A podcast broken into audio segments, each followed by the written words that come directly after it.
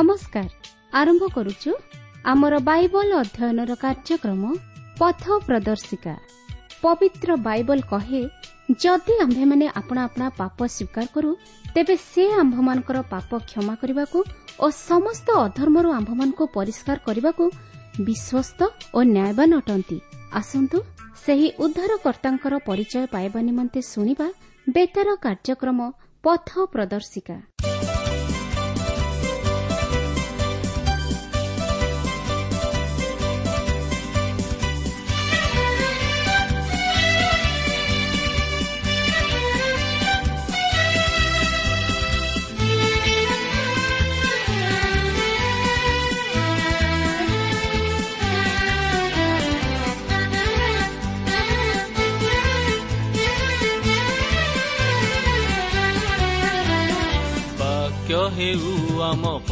ପଥ ପ୍ରଦର୍ଶକ କୃଷ ହେଉ ଆମ ସ୍ୱପ୍ନ କୃଷ ଦୂରେ ନେବ ସଫଳର ଦୁଃଖ ପାପ ତିମିରା ଛନ୍ନ ବାକ୍ୟ ହେଉ ଆମ ପଥ ପ୍ରଦର୍ଶକ କୃଷ ହେଉ ଆମ ସ୍ୱପ୍ନ କୃଷ ଦୂରେ ନେବ ସଫଳର ଦୁଃଖ ପାପ ତିମିରା ଛନ୍ନ ବାକ୍ୟ ହେଉ ଆମ ପଥ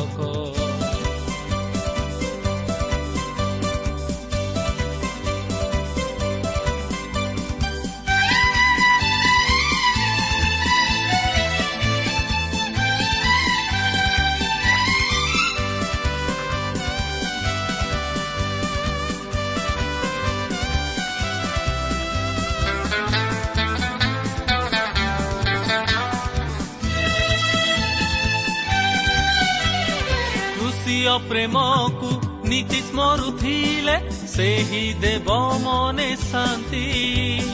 କୃଷର ନାମକୁ ନୀତି ଘୋଷୁଥିଲେ ଲଭିବ ଜୀବନେ ମୁକ୍ତି।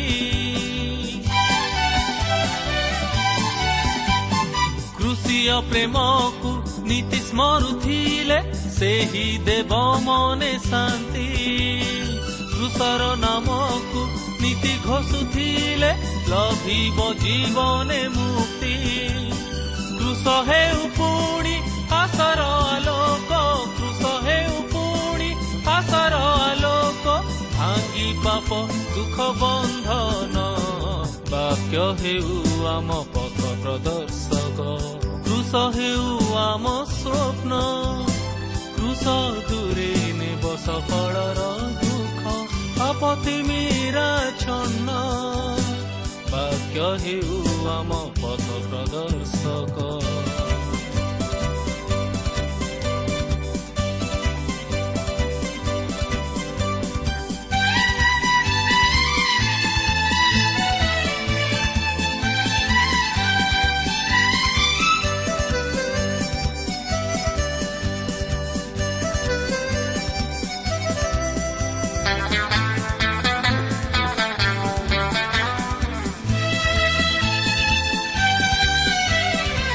ପାଶେ ଆମେ ଅରପିବାଜି ଅଛି ଯେତେ ପାପରାଶି କୃଷ ହିଁ କେବଳ ନେବ ହୃଦୟରୁ ପାପ ଦାଗ ସବୁ ନାଶି କୃଷ ପାଶେ ଆମେ ଅରପିବା ଆଜି ଅଛି ଯେତେ ପାପରାଶି କୃଷ ହିଁ କେବଳ ନେବ ହୃଦୟରୁ ପାପ ଦାଗ ସବୁ ନାଶି କୃଷ ହେଉ ଆମ ପଥର ପ୍ରଦୀପ କୃଷ ହେଉ ଆମ ପଥର ପ୍ରଦୀପ। ହୋଇବୁ ତାହାରି ସନ୍ତାନ ବାକ୍ୟ ହେଉ ଆମ ପଥ ପ୍ରଦର୍ଶକ। କୃଷ ହେଉ ଆମ ସ୍ୱପ୍ନ କୃଷ ଦୂରେ ନେବ ସଫଳର ଦୁଃଖ। ପାପତି ମୀରା ଛନ୍ନ। ବାକ୍ୟ ହେଉ ଆମ ପଥ ପ୍ରଦର୍ଶକ କୃଷ ହେଉ ଆମ ସ୍ୱପ୍ନ କୃଷ ଦୂରେ ନେବ ସଫଳର ଦୁଃଖ ପାପତି ମୀରା ଛନ୍ନ ପ୍ରିୟ ଶ୍ରୋତା ବନ୍ଧୁ ଆଜିର ଏହି ଶୁଭ ଅବସରରେ ଆମମାନଙ୍କର ସୃଷ୍ଟିକର୍ତ୍ତା ତଥା ଉଦ୍ଧାରକର୍ତ୍ତା ପ୍ରଭୁ ଯୀଶୁଖ୍ରୀଷ୍ଟଙ୍କ ବହୁମୂଲ୍ୟ ନାମରେ ଶୁଭେଚ୍ଛା ଜଣାଏ ଆଜିର ଏହି ପଥ ପ୍ରଦର୍ଶିକା କାର୍ଯ୍ୟକ୍ରମର ଅଂଶ ହେବା ନିମନ୍ତେ ଆପଣଙ୍କୁ ସ୍ୱାଗତ ଜଣାଏ ଆପଣଙ୍କର ସହଯୋଗ ନିମନ୍ତେ ବିଶେଷ ଧନ୍ୟବାଦ ଆପଣ ନିଜେ ଏହି କାର୍ଯ୍ୟକ୍ରମ ଶୁଣିବା ସଙ୍ଗେ ସଙ୍ଗେ ଅନ୍ୟମାନଙ୍କୁ ଶୁଣାଇବାରେ ସାହାଯ୍ୟ କରୁଥିବାର ଜାଣି ଓ ଆମମାନଙ୍କ ସହିତ ପତ୍ର ମାଧ୍ୟମରେ ଯୋଗାଯୋଗ କରୁଥିବାର ଜାଣି। ଆମେ ବିଶେଷ ଧନ୍ୟବାଦୀ। ପ୍ରଭୁ ଆପଣଙ୍କୁ ଆଶୀର୍ବାଦ କରନ୍ତୁ ଓ ଆପଣଙ୍କର ମନୋବାଞ୍ଛା ପୂର୍ଣ୍ଣ କରନ୍ତୁ। ଆସନ୍ତୁ ତାହେଲେ ପ୍ରଭୁଙ୍କର ବାକ୍ୟ ମଧ୍ୟକୁ ଯିବା ପୂର୍ବରୁ ସଂକ୍ଷେପରେ ପ୍ରାର୍ଥନା କରିବା। ପ୍ରିୟ ପବିତ୍ର ପ୍ରଭୁ ତୁମର ପବିତ୍ର ନାମର ଧନ୍ୟବାଦ କରୁଅଛି। ସୁନ୍ଦର ସମୟ ପାଇଁ ତୁମର ଜୀବନ୍ତ ବାକ୍ୟ ପାଇଁ ତୁମର ଅନୁଗ୍ରହ ପାଇଁ ତୁମର ଆଶୀର୍ବାଦ ପାଇଁ। ହଁ ପ୍ରଭୁ ସେଥିପାଇଁ ଆଜି ଆମମାନେ ଜଗତ ମଧ୍ୟରେ ବଞ୍ଚି ରହିବା ପାଇଁ ସୁଯୋଗ ପାଇଅଛୁ। ଆଉ ତୁମର ବାକ୍ୟ ମଧ୍ୟ ଦେଇ ତୁମର ନିକଟବର୍ତ୍ତୀ ହେବା ପାଇଁ ସୁଯୋଗ ପାଇଅଛୁ। ଆଉ ଏହି ସୁଯୋଗର ସଦ୍ବ୍ୟବହାର କରିବା ନିମନ୍ତେ ତୁମେ ଆମମାନଙ୍କୁ ଜ୍ଞାନ ବିଶିଷ୍ଟ ଅନ୍ତକରଣ ଦାନ କର। ପ୍ରତ୍ୟେକ ଶ୍ରୋତାବନ୍ଧୁମାନଙ୍କୁ ତୁମେ ଆଶୀର୍ବାଦ କର। ପ୍ରତ୍ୟେକଙ୍କୁ ପ୍ରଭୁ ତୁମେ ଆତ୍ମିକ ଜୀବନରେ ବର୍ଦ୍ଧିଷ୍ଣୁ କରାଅ। ପ୍ରତ୍ୟେକଙ୍କର ସମସ୍ୟା ତୁମେ ସମାଧାନ କର। ଏହି ସମସ୍ତ ପ୍ରାର୍ଥନା ଆମମାନଙ୍କୁ ଉଦ୍ଧାର କର୍ତ୍ତା ଜୀବିତ ପୁନରୁଦ୍ଧିତ ପ୍ରିୟ ପ୍ରଭୁ ଯୀଶୁଙ୍କ ନାମରେ ଏହି ଅଳ୍ପ ଭିକ୍ଷା ମାଗୁଅଛୁ।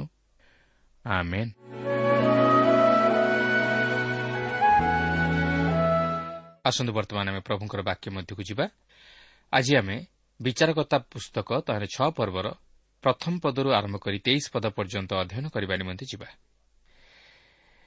ତେବେ ଆପଣଙ୍କ ହାତରେ ଯଦି ପବିତ୍ର ବାଇବଲ ଅଛି ତାହେଲେ ମୋ ସହିତ ଖୋଲନ୍ତୁ ଓ ଅଧ୍ୟୟନ କରନ୍ତୁ।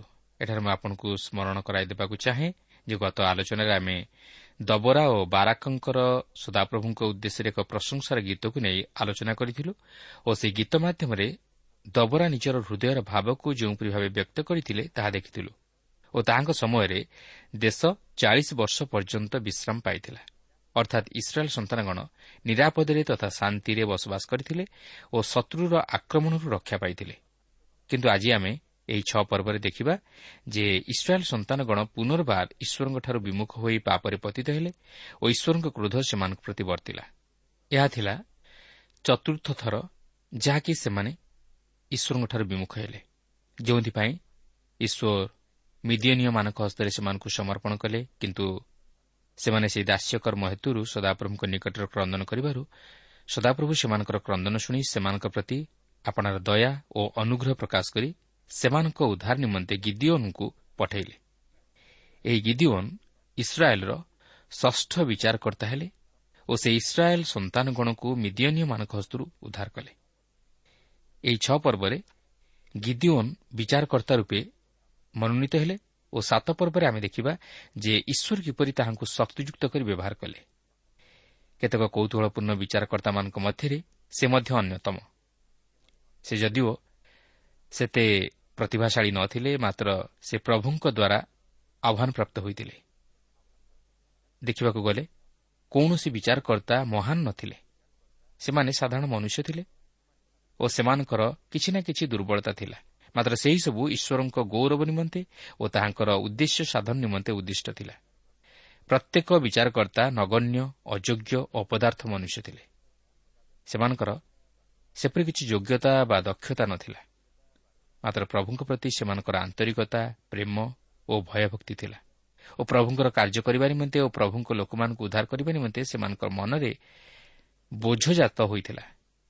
ତେଣୁକରି ପ୍ରଭୁ ସେମାନଙ୍କର ହୃଦୟର ଭାବ ଜାଣି ସେମାନଙ୍କୁ ଆହ୍ୱାନ କରିଥିଲେ ଯେପରି ସେମାନେ ଇସ୍ରାଏଲ୍ ସନ୍ତାନଗଣର ବିଚାର କରିପାରନ୍ତି ଓ ନେତୃତ୍ୱ ନେଇପାରନ୍ତି ଓ ସେମାନଙ୍କୁ ଶତ୍ରୁର ହସ୍ତରୁ ଉଦ୍ଧାର କରିପାରନ୍ତି। ତେଣୁକରି ସେମାନଙ୍କର ଦୁର୍ବଳତା ପ୍ରଭୁଙ୍କ ନିମନ୍ତେ ସବଳତାର କାରଣ ହେଲା। ଓ ସେମାନଙ୍କର ଇଚ୍ଛା ପ୍ରଭୁଙ୍କର ଅଭିମତ ସଫଳ ହେବାର କାରଣ ହେଲା। ତେବେ ଏହି ଛଅ ଓ ସାତ ପର୍ବର ଘଟଣାକୁ ଆଲୋଚନା କରିବାକୁ ଯିବା ପୂର୍ବରୁ ଏହି ଘଟଣା ପଛରେ ଯେଉଁ ଭୂମିକା ରହିଅଛି ତାହାକୁ ମୁଁ ଯଥାର୍ଥ ରୂପେ ଏହି ଘଟଣା ସହିତ ଯୋଗ କରି ଆପଣଙ୍କ ନିକଟରେ ଉପସ୍ଥାପିତ କରିବାକୁ ଚାହେଁ। ତେବେ ଅନେକ ସମାଲୋଚକମାନେ ମତବ୍ୟକ୍ତି କରି କହନ୍ତି ଯେ ଏହି ବିଚାରକର୍ତ୍ତା ପୁସ୍ତକରେ ବର୍ଣ୍ଣିତ ହୋଇଥିବା ଘଟଣାବଳୀ କେବେ ହେଲେ ଗ୍ରହଣଯୋଗ୍ୟ ନୁହେଁ ଯେହେତୁ ଏହା ଅନ୍ୟାନ୍ୟ ଇତିହାସ ପୁସ୍ତକରେ ଦେଖିବାକୁ ମିଳେ ନାହିଁ। ତେଣୁକରି ଏହି ସମସ୍ତ ଘଟଣା ପ୍ରକୃତିରେ ଘଟିନାହିଁ ବୋଲି ସେମାନେ ମତବ୍ୟକ୍ତ କରନ୍ତି। କିନ୍ତୁ ଏହି ସମସ୍ତ ଯେ ସତ୍ୟ ତାହା ପ୍ରତ୍ନତତ୍ତ୍ୱ ବିଶାରଦ ଓ ବିଦ୍ୱାନମାନଙ୍କର ମତାମତରୁ ସ୍ପଷ୍ଟ ଜଣାପଡ଼େ। ସେମାନେ ଏହି ବିଚାରକର୍ତ୍ତା ପୁସ୍ତକର ପୃଷ୍ଠଭୂମି ପ୍ରଦାନ କରି ଏହାର ଯଥାର୍ଥତାକୁ ପ୍ରତିପାଦିତ କରନ୍ତି। ଐତିହାସିକ ପ୍ରମାଣରୁ ଆମେ ଜାଣୁ ଯେ ଇତିହାସରେ ଏହି ସମୟରେ ମିଶ୍ର ଦେଶ ଅତି ଦୁର୍ବଳ ଥିଲା। କିନ୍ତୁ ଦିନ ଥିଲା ଏହା ସାରା ବିଶ୍ୱରେ ଏକ ଶକ୍ତିଶାଳୀ ଦେଶ ଥିଲା। କିନ୍ତୁ ଏହା ଏହି ସମୟରେ ଦୁର୍ବଳ ହୋଇପଡ଼ିବାର କାରଣ ହେଉଛି ଯେ ଯେଉଁ ଫାରୋଗଣ ଶାସକ ଭାବରେ ଥିଲେ ସେମାନେ ଅତି ଦୁର୍ବଳ ଲୋକ ଥିଲେ। ଏବଂ ଏଥିସହିତ ମଧ୍ୟ ଆଭ୍ୟନ୍ତରୀଣ ସମସ୍ୟା ଓ ଜଟିଳ ପରିସ୍ଥିତି ଦେଖାଦେଇଥିଲା। ଫଳତଃ ଏହି ମିଶ୍ରୀୟମାନେ ସେମାନଙ୍କର କଲୋନୀଗୁଡ଼ିକୁ ନିଜର ହାତମୁଠା ଭିତରେ ରଖିପାରିଲେ ନାହିଁ। ଆଉ ଏହାର ସୁଯୋଗ ନେଇ ମରୁସାଗରର ପୂର୍ବରେ ଓ ଦକ୍ଷିଣରେ ଥିବା ଯାଯାବର ଗୋଷ୍ଠୀ ଏହି ଦେଶରେ ପ୍ରବେଶ କରିବାକୁ ଆରମ୍ଭ କଲେ। ସେମାନେ ଏହି କାରଣରୁ ପ୍ରବେଶ କରିବାକୁ ଆରମ୍ଭ କଲେ ଯେହେତୁ ସେମାନଙ୍କର ଦେଶରେ ମରୁଡ଼ି ପଡ଼ିଲା ଓ ଖାଦ୍ୟାଭାବ ଦେଖାଦେଲା। ସେମାନେ ଅନେକ ବର୍ଷ ଧରି ଏହି ପ୍ରକାର ମରୁଡ଼ିର ସମ୍ମୁଖୀନ ହୋଇଥିଲେ। ତେଣୁକରି ସେମାନେ ଏହି ଦେଶରେ ପ୍ରବେଶ କରି ବସବାସ କରିବାକୁ ଆରମ୍ଭ କଲେ। ତେଣୁ ଏହିପରି ଭାବେ ସେମାନେ ଇସ୍ରାଏଲ୍ର ସୀମା ମଧ୍ୟରେ ପ୍ରବେଶ କରି ତାହା ଅଧିକାର କରିବାକୁ ଆରମ୍ଭ କଲେ। ଏହି ଯାଯାବର ଗୋଷ୍ଠୀ ମଧ୍ୟରେ ଆରବ ଦେଶର ବେଦୁଇନ୍ ନାମକ ଯାଯାବର ଗୋଷ୍ଠୀ ମଧ୍ୟ ଇସ୍ରାଏଲ୍ର ସୀମା ମଧ୍ୟରେ ପ୍ରବେଶ କରି ତହିଁରେ ବସବାସ କଲେ। ଏହି ଗୋଷ୍ଠୀମାନଙ୍କ ମଧ୍ୟରେ ମିଦିୟନୀୟ ଓ ଅମାଲିକୀୟମାନେ ଅନ୍ୟତମ। ଏହି ଘଟଣା ସହିତ ଗିଦିଓନ୍ଙ୍କର ଜୀବନ କାହାଣୀ ଆରମ୍ଭ ହୁଏ ଯେ କି ଇସ୍ରାଏଲ୍ର ଷଷ୍ଠ ବିଚାରକର୍ତ୍ତା ଥିଲେ ଓ ଇସ୍ରାଏଲ୍କୁ ମିଦିୟନୀୟମାନଙ୍କ ହସ୍ତରୁ ଉଦ୍ଧାର କଲେ। ଛଅ ପର୍ବର ପ୍ରଥମ ଦୁଇ ପଦରେ ଏହିପରି ଲେଖା ଅଛି। ଅନନ୍ତର ସଦାପ୍ରଭୁଙ୍କ ଦୃଷ୍ଟିରେ ଯାହା ମନ୍ଦ ଇସ୍ରାଏଲ୍ ସନ୍ତାନଗଣ ତାହା କଲେ ତେଣୁ ସଦାପ୍ରଭୁ ସେମାନଙ୍କୁ ସାତ ବର୍ଷ ପର୍ଯ୍ୟନ୍ତ ମିଦିୟନୀୟମାନଙ୍କ ହସ୍ତରେ ସମର୍ପଣ କଲେ। ତେଣୁ ମିଦିୟନୀୟମାନଙ୍କ ହସ୍ତ ଇସ୍ରାଏଲ୍ ବିରୁଦ୍ଧରେ ପ୍ରବଳ ହେଲା। ପୁଣି ମିଦିୟନୀୟମାନଙ୍କ ସକାଶୁ ଇସ୍ରାଏଲ୍ ସନ୍ତାନଗଣ ପର୍ବତସ୍ଥ ଗୋହିରୀ ଓ ଗୁମ୍ଫା ଓ ଦୁର୍ଗମ ସ୍ଥାନମାନଙ୍କରେ ବସା କଲେ। ଇସ୍ରାଏଲ୍ ସନ୍ତାନଗଣଙ୍କର ଏହି ଚତୁର୍ଥ ଥର ପୁନର୍ବାର ଈଶ୍ୱରଙ୍କଠାରୁ ବିମୁଖ ହେବାର ବିଷୟ ଆମେ ଲକ୍ଷ୍ୟ କରୁଅଛୁ ଓ ଈଶ୍ୱର ସେମାନଙ୍କର ଏହି ପାପ ଲାଗି ସେମାନଙ୍କୁ ମିଦିୟନୀୟମାନଙ୍କ ହସ୍ତରେ ସମର୍ପଣ କରୁଅଛନ୍ତି। କିନ୍ତୁ ଏହି ମିଦିୟନୀୟ ଓ ଅମାଲିକୀୟମାନେ ବିଶୃଙ୍ଖଳିତ ଯାଯାବର ଗୋଷ୍ଠୀ ଥିଲେ ଓ ସେମାନେ ସେହିପରି ଭାବେ ଭ୍ରମଣ କରିବାକୁ ଲାଗିଲେ। ସେମାନେ ପରଦ୍ରବ୍ୟ ଲୁଣ୍ଠନକାରୀ ଥିଲେ ଓ ଅନ୍ୟମାନଙ୍କର ଭୂମିର ଶସ୍ୟ ଓ ରପ୍ତାନୀ ଦ୍ରବ୍ୟ ପ୍ରଭୃତିକୁ ଆକ୍ରମଣ କରି ଛଡ଼ାଇ ନେଇଯାଉଥିଲେ। ସେମାନେ ସେମାନଙ୍କର ପରିବାରଗୁଡ଼ିକୁ ସଙ୍ଗରେ ନେଇ ଭ୍ରମଣ କରୁଥିଲେ। ସେମାନେ ବିଭିନ୍ନ ସ୍ଥାନରେ ତମ୍ବୁ ପକାଇ ରହୁଥିଲେ। ତେବେ ସେମାନଙ୍କର ସଂଖ୍ୟା ଏ ସ୍ଥାନରେ ଦିଆ ନ ଯିବାର କାରଣ ହେଉଛି କେହି ହେଲେ ସେମାନଙ୍କର ସଂଖ୍ୟା ଗଣନା କରି ସ୍ଥିର କରିବାକୁ ସକ୍ଷମ ହୋଇନଥିଲେ କାରଣ ସେମାନେ ଅତି ବିଶୃଙ୍ଖଳିତ ଭାବେ ରହୁଥିଲେ। କିନ୍ତୁ ସେମାନେ ସଂଖ୍ୟାଗରିଷ୍ଠ ଥିବାରୁ ସେମାନେ ସେହି ଦେଶରେ ସେମାନଙ୍କର ଆଧିପତ୍ୟ ବିସ୍ତାର କରି ରହିଲେ। ଇସ୍ରାଏଲ୍ ସନ୍ତାନଗଣ ସେମାନଙ୍କର ଭୟରେ ସେମାନଙ୍କର ଗୃହରୁ ବାହାରି ଯାଇ ଗୁମ୍ଫା ଓ ଗୌହରମାନଙ୍କ ମଧ୍ୟରେ ରହିଲେ। ସେମାନେ ଯେ ବିଚାରକର୍ତ୍ତାମାନଙ୍କ ସମୟରେ ଗୁମ୍ଫା ଓ ଗୌହରମାନଙ୍କରେ ରହିଥିଲେ ତହିଁର ଅନେକ ସୁସ୍ପଷ୍ଟ ପ୍ରମାଣଗୁଡ଼ିକ ଆଜି ମଧ୍ୟ ଇସ୍ରାଏଲ୍ ଦେଶରେ ଦେଖିବାକୁ ମିଳେ। କିନ୍ତୁ ଏଠାରେ ଲକ୍ଷ୍ୟ କରିବାର ବିଷୟ ହେଉଛି ଯେ ଇସ୍ରାଏଲ୍ ସନ୍ତାନଗଣ ପୁନର୍ବାର ଈଶ୍ୱରଙ୍କଠାରୁ ବିମୁଖ ହୋଇ ପାପ କଲେ ଓ ସେମାନଙ୍କ ନୈତିକ ଜୀବନର ଐତିହାସିକ ଜୀବନଚକ୍ର ପୁନର୍ବାର ନିମ୍ନଗାମୀ ହେବାକୁ ଲାଗିଲା। ଦବରାଙ୍କର ଶାସନ କାଳରେ ଈଶ୍ୱର ଇସ୍ରାଏଲ୍ ସନ୍ତାନଗଣକୁ ଆଶୀର୍ବାଦ କଲେ ଓ ଉଦ୍ଧାର କଲେ। ମାତ୍ର ସେମାନେ ପୁନର୍ବାର ପାପ କରି ଈଶ୍ୱରଙ୍କଠାରୁ ଦୂରବର୍ତ୍ତୀ ଜୀବନ କାଟିବାରୁ ଈଶ୍ୱର ସେମାନଙ୍କୁ ମିଦିୟନୀୟମାନଙ୍କ ହସ୍ତରେ ସମର୍ପଣ କଲେ ଓ ସେମାନେ ସେମାନଙ୍କ ହସ୍ତରୁ ଉଦ୍ଧାର ପାଇବା ନିମନ୍ତେ ଈଶ୍ୱରଙ୍କ ନିକଟରେ କ୍ରନ୍ଦନ କଲେ। ଯାହାକି ଛଅ ପର୍ବର ତିନି ପଦରୁ ଛଅ ପଦ ମଧ୍ୟରେ ଲେଖା ଅଛି। ଦେଖନ୍ତୁ ମିଦିୟନୀୟମାନେ କି ଭୟଙ୍କର ଥିଲେ। ସେମାନେ ବେଳକୁ ବେଳ ପ୍ରବଳ ହୋଇଉଠିଲେ ଓ ଇସ୍ରାଏଲ୍ ସନ୍ତାନଗଣ ବିରୁଦ୍ଧରେ ଗଲେ। ସେମାନେ ପଙ୍ଗପାଳ ପରି ଦେଶ ମଧ୍ୟକୁ ମାଡ଼ି ଚାଲିଲେ। ସେମାନେ ବହୁ ସଂଖ୍ୟକ ହୋଇ ଦେଶ ମଧ୍ୟରେ ପ୍ରବେଶ କଲେ। ଏପରିକି ସେମାନଙ୍କର ସଂଖ୍ୟା ମଧ୍ୟ କେହି ସ୍ଥିର କରିପାରିଲେ ନାହିଁ କି ଗଣନା ମଧ୍ୟ କରିପାରିଲେ ନାହିଁ କାରଣ ସେମାନେ ଅସଂଖ୍ୟ ଥିଲେ।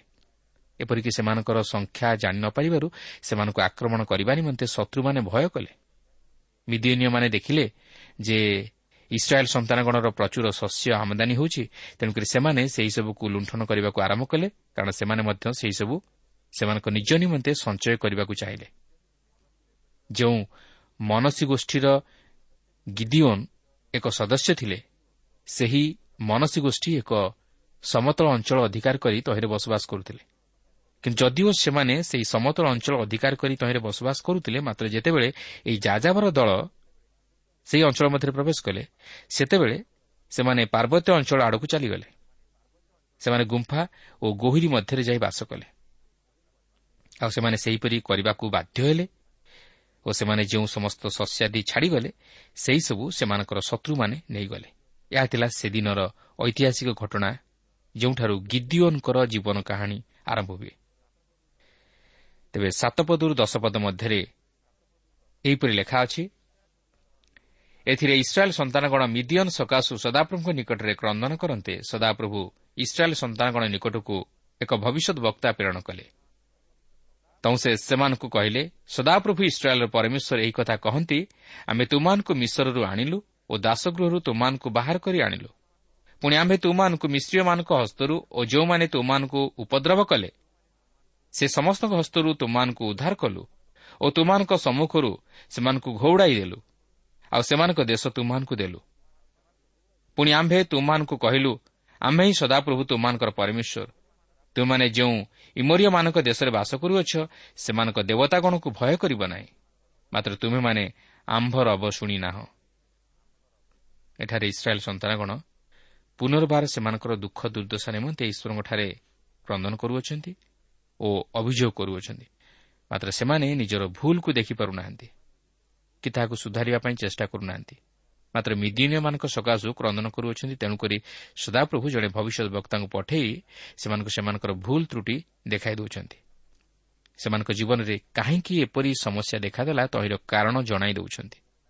ସେହି କାରଣଟି ହେଲା ଯେ ସେମାନେ ସଦାପ୍ରଭୁଙ୍କୁ ଭୟ ନ କରି କିମ୍ବା ତାହାଙ୍କର ଅବନ ଶୁଣି ଇମୋରିୟମାନଙ୍କ ଦେବତାଗଣକୁ ଭୟ କଲେ ଓ ସେହି ଦେବତାଗଣର ସେବା କଲେ। ପ୍ରିୟ ବନ୍ଧୁ ଅନେକ ସମୟରେ ତାହା ଆମମାନଙ୍କ ଜୀବନରେ ଘଟେ। ଆମେ ନିଜର ଦୋଷ ତ୍ରୁଟିକୁ ଦେଖିବାକୁ ଚେଷ୍ଟା କରିନଥାଉ କି ତାହାକୁ ସୁଧାରିବା ପାଇଁ ଇଚ୍ଛା କରିନଥାଉ ମାତ୍ର ଅପରପକ୍ଷରେ ନିଜର ସମସ୍ୟା ନିମନ୍ତେ ଆମେ ଈଶ୍ୱରଙ୍କୁ ଦାୟୀ କରିଥାଉ ବା ତାହାଙ୍କ ନିକଟରେ ଅଭିଯୋଗ କରିଥାଉ। ହୋଇପାରେ ମୁଣ୍ଡ ପିଟି କାନ୍ଦିଥାଉ। କିନ୍ତୁ ଏହିସବୁ ସମସ୍ୟା ବା ଦୁଃଖ ବା ଅମଙ୍ଗଳ ମୋ ଜୀବନ ପ୍ରତି କାହିଁକି ଘଟୁଛି ତହିଁର କାରଣ ଜାଣିବା ନିମନ୍ତେ ଚେଷ୍ଟା କରିନଥାଉ କିନ୍ତୁ ଏହା ଆମମାନଙ୍କ ଜୀବନରେ କାହିଁକି ଆସେ ଜାଣନ୍ତି ପ୍ରଥମ କଥା ହେଲା ଈଶ୍ୱର ଆମମାନଙ୍କୁ ତାହାଙ୍କର ନିକଟବର୍ତ୍ତୀ କରାଇବାକୁ ଚାହାନ୍ତି ଓ ଦ୍ୱିତୀୟ କଥା ହେଲା ସେ ଆମମାନଙ୍କ ଦୋଷ ତ୍ରୁଟିକୁ ସଂଶୋଧନ କରିବା ପାଇଁ ଚାହାନ୍ତି କିନ୍ତୁ ମନୁଷ୍ୟ ଧୈର୍ଯ୍ୟହରା ହୋଇପଡ଼େ ଓ ଈଶ୍ୱରଙ୍କ ଉପରେ ଅଭିମାନ କରେ ଏହା ହେଉଛି ମନୁଷ୍ୟର ଦୁର୍ବଳତା କିନ୍ତୁ ଈଶ୍ୱର ଅନୁଗ୍ରହକାରୀ ତଥା ଦୟାଳୁ ସେ କେବେ ହେଲେ ଚାହାନ୍ତି ନାହିଁ ତାହାଙ୍କର ସୃଷ୍ଟ ମନୁଷ୍ୟ ପାପରେ ବିନଷ୍ଟ ହୋଇଯାଆନ୍ତୁ। ଏଠାରେ ଦେଖନ୍ତୁ ଇସ୍ରାଏଲ୍ ସନ୍ତାନଗଣ ଯଦିଓ ଈଶ୍ୱରଙ୍କଠାରୁ ବିମୁଖ ହୋଇ ପାପରେ ପତିତ ହେଲେ ମାତ୍ର ସେ ସେମାନଙ୍କର କ୍ରନ୍ଦନ ଶୁଣି ସେମାନଙ୍କ ନିମନ୍ତେ ଆଉ ଜଣେ ବିଚାରକର୍ତ୍ତାଙ୍କୁ ପ୍ରେରଣ କଲେ ଯେ କି ସେମାନଙ୍କୁ ସେହି ମିଦିୟନୀୟମାନଙ୍କ ହସ୍ତରୁ ଉଦ୍ଧାର କଲେ। ଆଉ ସେ ହେଉଛନ୍ତି ଗିଦିଓନ୍ ଷଷ୍ଠ ବିଚାରକର୍ତ୍ତା। ଦେଖନ୍ତୁ ଈଶ୍ୱର କିପରି ଗିଦିଓନ୍କୁ ଆହ୍ୱାନ କରୁଅଛନ୍ତି। ଛଅ ପର୍ବର ଏଗାର ପଦରେ ଲେଖା ଅଛି ଅନନ୍ତର ସଦାପ୍ରଭୁଙ୍କର ଦୂତ ଆସି ଅବ୍ରି ଏସ୍ରିୟ ଜୟାସର ଅଧିକାରସ୍ଥିତ ଅଫ୍ରାରେ ଅଲନ ବୃକ୍ଷ ମୂଳରେ ବସିଲେ। ତତ୍କାଳେ ତାହାର ପୁତ୍ର ଗିଦିଓନ୍ ମିଦିୟନୀୟମାନଙ୍କଠାରୁ ଗହମ ଲୁଚାଇବା ପାଇଁ ଦ୍ରାକ୍ଷରସ କୁଣ୍ଡ ଭିତରେ ତାହା ମଳୁଥିଲେ। ବର୍ତ୍ତମାନ ଏଠାରେ ଲକ୍ଷ୍ୟ କରନ୍ତୁ ଈଶ୍ୱର ଏକ ଅପ୍ରୀତିକର ପରିସ୍ଥିତିରେ ଗିଦିଓନ୍ଙ୍କ ନିକଟରେ ପ୍ରକାଶିତ ହେଉଛନ୍ତି। ଆପଣ ଜାଣନ୍ତି ଗିଦିଓନ୍ କ'ଣ କରୁଛନ୍ତି? ସେ ଦ୍ରାକ୍ଷାରସ କୁଣ୍ଡ ଭିତରେ ଗହମ ମଳୁଛନ୍ତି। ତେବେ ଏହି ସମସ୍ତ ଘଟଣା ମଧ୍ୟରେ ଏହି ଦ୍ରାକ୍ଷାରସ କୁଣ୍ଡ ହେଉଛି ଚାବିକାଠି। ବର୍ତ୍ତମାନ ପ୍ରଶ୍ନ ହେଉଛି ଯେ ଗିଦିଓନ୍ ଦ୍ରାକ୍ଷାରସ କୁଣ୍ଡ ଭିତରେ ଗହମ କାହିଁକି ମଳୁଥିଲେ? କ'ଣ ଦ୍ରାକ୍ଷାରସ କୁଣ୍ଡ ଭିତରେ ଗହମ ମଳାଯାଏ କି? ନୁହେଁ। କିନ୍ତୁ ଏଠାରେ କାରଣଟି ମଧ୍ୟ ଦର୍ଶାଯାଇଅଛି ଯେ ସେ ମିଦିୟନୀୟମାନଙ୍କଠାରୁ ଗହମ ଲୁଚାଇବା ପାଇଁ ଦ୍ରାକ୍ଷାରସ କୁଣ୍ଡ ଭିତରେ ଗହମ ମଳୁଥିଲେ। ଆପଣ ଦେଖନ୍ତୁ ସେହି ସମୟରେ ଦ୍ରାକ୍ଷା ଯନ୍ତ୍ରଗୁଡ଼ିକ ପାହାଡ଼ର ପାଦଦେଶରେ ରଖାଯାଉଥିଲା। ଯେହେତୁ ସେମାନେ ଦ୍ରାକ୍ଷା କ୍ଷେତ୍ରରୁ ସେହି ସମସ୍ତ ଫଳ ତୋଳି ତଳକୁ ଆଣୁଥିଲେ ଓ ସେମାନେ ବହୁ ପରିମାଣରେ ନିଶ୍ଚିତ ଆଣୁଥିବେ। ତେଣୁକରି ସେମାନେ ସେହିସବୁକୁ ନିମ୍ନତମ ସ୍ଥାନକୁ ଆଣୁଥିଲେ। କିନ୍ତୁ ଅପରପକ୍ଷରେ ଗହମ ଅମଳର ଯନ୍ତ୍ର ପାହାଡ଼ର ଉପର ଭାଗରେ ରଖାଯାଉଥିଲା ଯେପରି ପବନ ଦ୍ୱାରା ଅଗାଡ଼ି ସବୁ ଅଲଗା ହୋଇଯାଇପାରେ। କିନ୍ତୁ ଏଠାରେ ଆମେ ଦେଖୁଛୁ ଯେ ଗିଦିଓନ୍ ପାହାଡ଼ର ପାଦଦେଶରେ ରଖାଯାଇଥିବା ସେହି ଦ୍ରାକ୍ଷାକୁଣ୍ଡରେ ଦ୍ରାକ୍ଷା ମଳିବା ପରିବର୍ତ୍ତେ ଗହମ ମଳୁଛନ୍ତି। ଅନୁମାନ କରିପାରୁଛନ୍ତି ଗିଦିଓନ୍ କେଉଁପରି ଅବସ୍ଥାରେ ଥିବେ? ସେ ବୋଧହୁଏ ବହୁତ ବିରକ୍ତ ମଧ୍ୟ ହୋଇଯାଇଥିବେ। ନିଜର ଭୟାତୁର ଜୀବନ ହେତୁ ନିଜକୁ ମଧ୍ୟ ଗାଳି କରୁଥିବେ। ଅପରପକ୍ଷରେ ମିଦିଓନିୟମାନଙ୍କର ଭୟ ତାହାଙ୍କ ମନକୁ ବ୍ୟତିବ୍ୟସ୍ତ କରି ପକାଉଥିବ। ଗରମରେ ତାହାଙ୍କ ଦେହରୁ ଝାଳ ଗମ୍ ଗମ୍ ବୋହିଯାଉଥିବ କିନ୍ତୁ ଏ ପ୍ରକାର ଏକ ପରିସ୍ଥିତିରେ ଈଶ୍ୱର ତାହାଙ୍କୁ ଦେଖା ଦେଉଛନ୍ତି ଓ ସେ ତାହାଙ୍କୁ ଇସ୍ରାଏଲ୍ର ବିଚାରକର୍ତ୍ତା ହେବା ନିମନ୍ତେ ଆହ୍ୱାନ କରୁଅଛନ୍ତି। ବାସ୍ତବରେ ଭାବିଲେ ବଡ଼ ଆଶ୍ଚର୍ଯ୍ୟ ଲାଗେ ନୁହେଁ କି? ସେ ଏକ ଦୂତ ରୂପରେ ତାହାଙ୍କ ସହ କଥାବାର୍ତ୍ତା କରୁଅଛନ୍ତି ଯାହାକି ଖ୍ରୀଷ୍ଟଙ୍କର ପୂର୍ବ ପ୍ରତିମୂର୍ତ୍ତି ବୋଲି ଆମେ ବିଶ୍ୱାସ କରୁ। ବାରପଦରେ ଏହିପରି ଲେଖା ଅଛି ତହିଁରେ ସଦାପ୍ରଭୁଙ୍କ ଦୂତ ତାହାଙ୍କୁ ଦର୍ଶନ ଦେଇ କହିଲେ ହେ ମହାବିକ୍ରମଶାଳୀ ଲୋକ ସଦାପ୍ରଭୁ ତୁମ ସଙ୍ଗେ ଅଛନ୍ତି।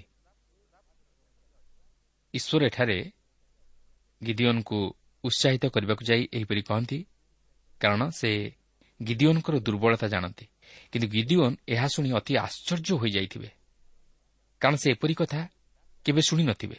ତାଛଡ଼ା ସେ ନିଜେ ଜାଣନ୍ତି ଯେ ସେ କେତେ ଦୂର ସାହସୀ। ତେବେ ଗିଦିଓନ୍ ଦୂତଙ୍କୁ ଏହିପରି ଉତ୍ତର ଦିଅନ୍ତି ଯାହାକି ତେର ପଦରେ ଲେଖା ଅଛି। ଏଥିରେ ଗିଦିଓନ୍ ତାହାଙ୍କୁ କହିଲେ ହେ ମୋହର ପ୍ରଭୁ ଯେବେ ସଦାପ୍ରଭୁ ଆମମାନଙ୍କ ସଙ୍ଗେ ଥାଆନ୍ତି ତେବେ ଆମମାନଙ୍କ ପ୍ରତି ଏସବୁ ଘଟିଅଛି କାହିଁକି? ପୁଣି ସଦାପ୍ରଭୁ ଆମମାନଙ୍କୁ କି ମିଶରରୁ ଆଣିନାହାନ୍ତି? ଏହା କହି ଆମମାନଙ୍କ ପୂର୍ବପୁରୁଷମାନେ ଆମମାନଙ୍କ ଆଗରେ ତାହାଙ୍କର ଯେସବୁ ଆଶ୍ଚର୍ଯ୍ୟ କ୍ରିୟାର କୀର୍ତ୍ତନ କରିଥିଲେ ସେସବୁ କାହିଁ? ମାତ୍ର ଏବେ ସଦାପ୍ରଭୁ ଆମମାନଙ୍କୁ ତ୍ୟାଗ କରିଅଛନ୍ତି। ଓ ଆମମାନଙ୍କୁ ମିଦିୟନର ହସ୍ତରେ ସମର୍ପଣ କରିଅଛନ୍ତି। ଏଠାରେ ଆମେ ଦେଖୁ ଯେ ଗିଦିଓନ୍ ନିଜକୁ ଅତି ହୀନ ମନେ କରନ୍ତି ଓ ସେ ଅଭିମାନ କରି କହନ୍ତି ଯଦି ସଦାପ୍ରଭୁ ଆମମାନଙ୍କ ସଙ୍ଗେ ଅଛନ୍ତି ତାହେଲେ ଆମମାନଙ୍କ ପ୍ରତି ଏପରି ଘଟୁଛି କାହିଁକି? ପ୍ରକୃତିରେ ସଦାପ୍ରଭୁ ଏହି ସମୟରେ ଗିଦିଓନ୍ ସହିତ ଥିଲେ। ମାତ୍ର ଗିଦିଓନ୍ ମାନସିକ ଓ ଆତ୍ମିକ ଭାବରେ ଭାଙ୍ଗି ପଡ଼ିଥିଲେ।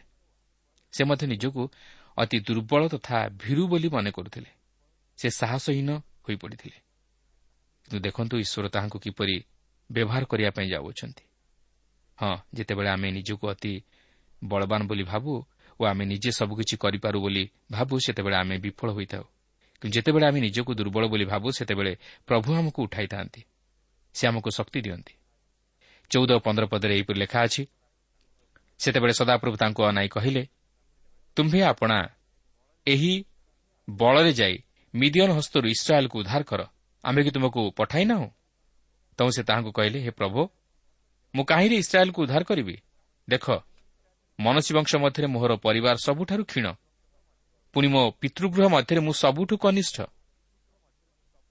ଦେଖନ୍ତୁ ଏଠାରେ ମଧ୍ୟ ଗିଦିଓନ୍ ନିଜକୁ ଅତି ଛୋଟ ବୋଲି ବିଚାର କରୁଅଛନ୍ତି। ସେ ନିଜକୁ ସେଥି ନିମନ୍ତେ ଅଯୋଗ୍ୟ ବୋଲି ବିଚାର କରୁଅଛନ୍ତି। ମାତ୍ର ପ୍ରଭୁ ତାହାଙ୍କୁ ଉତ୍ସାହ ଦେଇ କହୁଛନ୍ତି ଆମେ ନିଶ୍ଚୟ ତୁମ୍ଭ ସଙ୍ଗେ ହେବା। ଏହାପରେ ସତରରୁ ବାଇଶ ପଦରେ ଆମେ ଦେଖୁ ଯେ ସଦାପ୍ରଭୁ ଯେ ତାହାଙ୍କ ସଙ୍ଗରେ ଅଛନ୍ତି ଓ ସେ ଯେ ମିଦିଓନିୟମାନଙ୍କ ଉପରେ ତାହାଙ୍କୁ ଜୟ ପ୍ରଦାନ କରିବେ ଏହା ସେ ନିଜେ ହୃଦୟଙ୍ଗମ କରିପାରିଲେ। ତେଣୁ ସଦାପ୍ରଭୁ ତାହାଙ୍କୁ ଏହିପରି କହନ୍ତି ଯାହାକି ତେଇଶ ପଦରେ ଲେଖା ଅଛି। ତହିଁରେ ସଦାପ୍ରଭୁ ତାଙ୍କୁ କହିଲେ ତୁମର ମଙ୍ଗଳ ହେଉ ଭୟ ନ କର ତୁମେ ମରିବ ନାହିଁ। ପ୍ରଭୁ ଏକଥା ଗିଦିଓନ୍କୁ କହିବାର କାରଣ ହେଉଛି ଯେ ଗିଦିଓନ୍ ସଦାପ୍ରଭୁଙ୍କୁ ଦେଖିବା ପରେ ମରିଯିବେ ବୋଲି ଭାବି ଭୟ କରୁଥିଲେ। ମାତ୍ର ପ୍ରଭୁ ତାହାଙ୍କୁ ଆଶ୍ୱାସନା ଦେଇ କହନ୍ତି ତୁମେ ମରିବ ନାହିଁ ଗିଦିଓନ୍। ମାତ୍ର ତୁମ୍ଭ ଦ୍ୱାରା ମୋହର ଅଭିମତ ସଫଳ ହେବ। ପ୍ରିୟ ବନ୍ଧୁ ଅନେକ ସମୟରେ ଆମେ ଈଶ୍ୱରଙ୍କ ଦ୍ୱାରା ବ୍ୟବହୃତ ହେବାକୁ ନିଜକୁ ଅତି ଶକ୍ତିମାନ ବୋଲି ମନେ କରୁ ବା ଯୋଗ୍ୟ ବୋଲି ବିବେଚନା କରୁ। ମାତ୍ର ତାହା ଭୁଲ ଧାରଣା। ଆମେ ଦେଖୁ ଯେ ଯେଉଁମାନେ ପବିତ୍ର ବାଇବଲ ମଧ୍ୟରେ ନେତୃତ୍ୱ ପଦରେ ଆହ୍ୱାନ ପ୍ରାପ୍ତ ହୋଇଥିଲେ ସେମାନେ ନିଜକୁ ଦୁର୍ବଳ ବୋଲି ମନେ କରିଥିଲେ। ମାତ୍ର ଈଶ୍ୱର ସେମାନଙ୍କୁ ଶକ୍ତିଯୁକ୍ତ କରି ବ୍ୟବହାର କରିଥିଲେ। ମୂଷାଙ୍କଠାରୁ ଆରମ୍ଭ କରି ପିତରଙ୍କ ପର୍ଯ୍ୟନ୍ତ ପ୍ରତ୍ୟେକ ନିଜକୁ ଅଯୋଗ୍ୟ ବୋଲି ବିବେଚନା କରିଥିଲେ। ମାତ୍ର ପ୍ରଭୁ ସେମାନଙ୍କୁ ଉଠାଇଥିଲେ। ସେହିପରି ଆଜି ଆମମାନେ ଯଦି ପ୍ରଭୁଙ୍କ ଦ୍ୱାରା ବ୍ୟବହୃତ ହେବାକୁ ଚାହୁଁ ତାହେଲେ ଆମେ ନିଜକୁ ଅଯୋଗ୍ୟ ମନେକରି ପ୍ରଭୁଙ୍କଠାରୁ ଶକ୍ତି ଲୋଡ଼ିବା ଆବଶ୍ୟକ ଓ ପ୍ରଭୁଙ୍କ ଆହ୍ୱାନ ଅନୁଯାୟୀ କାର୍ଯ୍ୟ କରିବା ଆବଶ୍ୟକ। ଗିଦିଓନ୍ ଯଦିଓ ନିଜକୁ ଦୁର୍ବଳ ବୋଲି ଭାବୁଥିଲେ ମାତ୍ର ଈଶ୍ୱର ତାହାଙ୍କୁ କହନ୍ତି ଗିଦିଓନ୍ ତୁମ୍ଭେ ଇସ୍ରାଏଲ୍ ଲୋକମାନଙ୍କୁ ସେହି ମିଦିୟନମାନଙ୍କ ହସ୍ତରୁ ଉଦ୍ଧାର କରିବା ପାଇଁ ଯାଉଅଛ? ହଁ ଈଶ୍ୱର ଗିଦିଓନ୍କୁ ବ୍ୟବହାର କରିବା ପାଇଁ ଯାଉଅଛନ୍ତି ମାତ୍ର ସେ ପ୍ରଥମେ ଗିଦିଓନ୍କୁ ତାଲିମ ଦେବାକୁ ଚାହାନ୍ତି। କାରଣ ଗିଦିଓନ୍ ନିଜର ଭୟ ଦୂର କରିବାକୁ ଅଛି ଓ ସାହସିକ ହେବା ଉଚିତ। ଈଶ୍ୱର ତାଙ୍କର ଦୁର୍ବଳ ଆଣ୍ଠୁକୁ ସବଳ କରିବା ପାଇଁ ଚାହାନ୍ତି ଓ ତାହାଙ୍କ ବିଶ୍ୱାସକୁ ବଳିଷ୍ଠ କରିବା ପାଇଁ ଚାହାନ୍ତି। ତେଣୁକରି ସେ ତାହାଙ୍କୁ କେତେକ ଅନୁଭୂତି ମଧ୍ୟ ଦେଇ ଯିବାକୁ ଦିଅନ୍ତି ଯଦ୍ୱାରା ତାହାଙ୍କର ଭୟ ଦୂର ହେବ ଓ ସେ ଶକ୍ତିର ସହିତ ଆଗେଇ ପାରିବେ। ତେବେ ଏହି ସମସ୍ତ ଆମେ ପରବର୍ତ୍ତୀ କାର୍ଯ୍ୟକ୍ରମରେ ଆଲୋଚନା କରିବା ନିମନ୍ତେ ଯିବା। କିନ୍ତୁ ଏଠାରେ ମୁଁ କହି ରଖେ ଯେ ପ୍ରିୟ ଭାଇ ଓ ଭଉଣୀ ଯଦି ଈଶ୍ୱର ଆପଣଙ୍କୁ ବ୍ୟବହାର କରିବା ପାଇଁ ଚାହାନ୍ତି ତାହେଲେ ସେ ଆପଣଙ୍କୁ ନିଶ୍ଚିତ ଭାବରେ ବ୍ୟବହାର କରିବେ। କିନ୍ତୁ ଆପଣ ଆପଣଙ୍କ ଜୀବନରେ ଈଶ୍ୱରଙ୍କର ଆହ୍ୱାନକୁ ଭଲ ଭାବରେ ବୁଝିବାର ଅଛି। ପ୍ରଭୁ ଆପଣଙ୍କୁ କେଉଁ କାର୍ଯ୍ୟ ନିମନ୍ତେ ଆହ୍ୱାନ କରିଅଛନ୍ତି ତାହା ଆପଣଙ୍କୁ ଭଲ ଭାବରେ ବୁଝିବାକୁ ଅଛି। ଏବଂ ଆପଣ ନିଜ ଉପରେ ନିର୍ଭର ନ କରି ପ୍ରଭୁଙ୍କ ଉପରେ ନିର୍ଭର କରିବାକୁ ଅଛି। ଅନେକ ସମୟରେ କ'ଣ ହୁଏ ନା ଆମେ ନିଜର ଶକ୍ତି ନିଜର ଜ୍ଞାନ ନିଜର ଯୋଗ୍ୟତା ଉପରେ ନିର୍ଭର କରି ପ୍ରଭୁଙ୍କ ନିମନ୍ତେ କିଛି କରିବା ପାଇଁ ଚାହୁଁ। ମାତ୍ର ତାହା ଭୁଲ ଧାରଣା। ପ୍ରଭୁ ଯେତେବେଳେ ଆମମାନଙ୍କୁ ବ୍ୟବହାର କରିବା ପାଇଁ ଚାହାନ୍ତି ସେ ଆମମାନଙ୍କର ଯୋଗ୍ୟତାକୁ ଦେଖନ୍ତି ନାହିଁ। ସେ ଆମମାନଙ୍କର ଶକ୍ତିକୁ ଦେଖନ୍ତି ନାହିଁ। ସେ ଆମମାନଙ୍କର ଜ୍ଞାନକୁ ଦେଖନ୍ତି ନାହିଁ। ସେ ଆମମାନଙ୍କର ଚାତୁରୀକୁ ଦେଖନ୍ତି ନାହିଁ। ମାତ୍ର ସେ ଆମମାନଙ୍କର ସମର୍ପିତ ଜୀବନକୁ ଦେଖନ୍ତି। ସେ ଚାହାନ୍ତି ଯେପରି ଆମମାନେ ତାହାଙ୍କ ଉପରେ ସମ୍ପୂର୍ଣ୍ଣ ନିର୍ଭର କରୁ ତାହାଙ୍କଠାରୁ ଶକ୍ତି ଭିକ୍ଷା କରୁ ତାହାଙ୍କର ଶକ୍ତିକୁ ନିଜ ଜୀବନରେ ଉପଲବ୍ଧି କରୁ ତାହେଲେ ସେ ଆମମାନଙ୍କ ଜୀବନ ଦ୍ୱାରା ତାହାଙ୍କର ମହାନ ଶକ୍ତିର କାର୍ଯ୍ୟ ସାଧନ କରିବେ ଏବଂ ଅନେକଙ୍କୁ ଆମମାନଙ୍କର ଜୀବନ ଦ୍ୱାରା ଉଦ୍ଧାର କରିପାରିବେ। ପ୍ରଭୁ ପ୍ରତ୍ୟେକଙ୍କୁ ଆଶୀର୍ବାଦ କରନ୍ତୁ।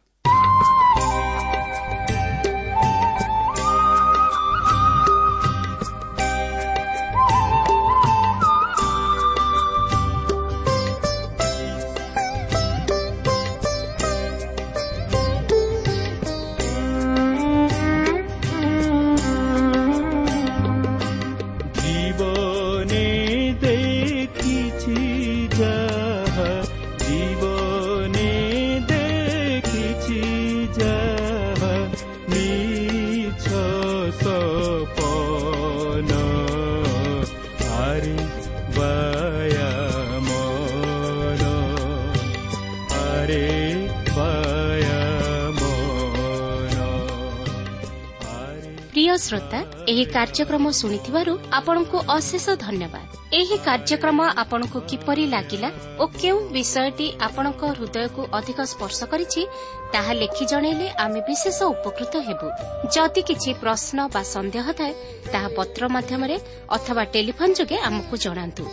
ଆମର ଠିକଣା ପଥ ପ୍ରଦର୍ଶିକା Trans World Radio India post box number ତିନି ତିନି ଭୁବନେଶ୍ୱର ସାତ ପାଞ୍ଚ ଏକ ଶୂନ ଶୂନ ଏକ mobile number nine seven double seven double two one four one five ଠିକଣାଟି ଆଉଥରେ ଶୁଣନ୍ତୁ ପଥ ପ୍ରଦର୍ଶିକା Trans World radio India post box number three three Bhubaneswar seven five one zero zero one mobile number nine seven double seven double two one four one five ଆମର email ଆଡ୍ରେସଟି ଲେଖି ରଖନ୍ତୁ Odia TTV at radio eight eight two dot com ତେବେ ଆଜି ପାଇଁ ଏଠାରେ ରଖୁଛୁ।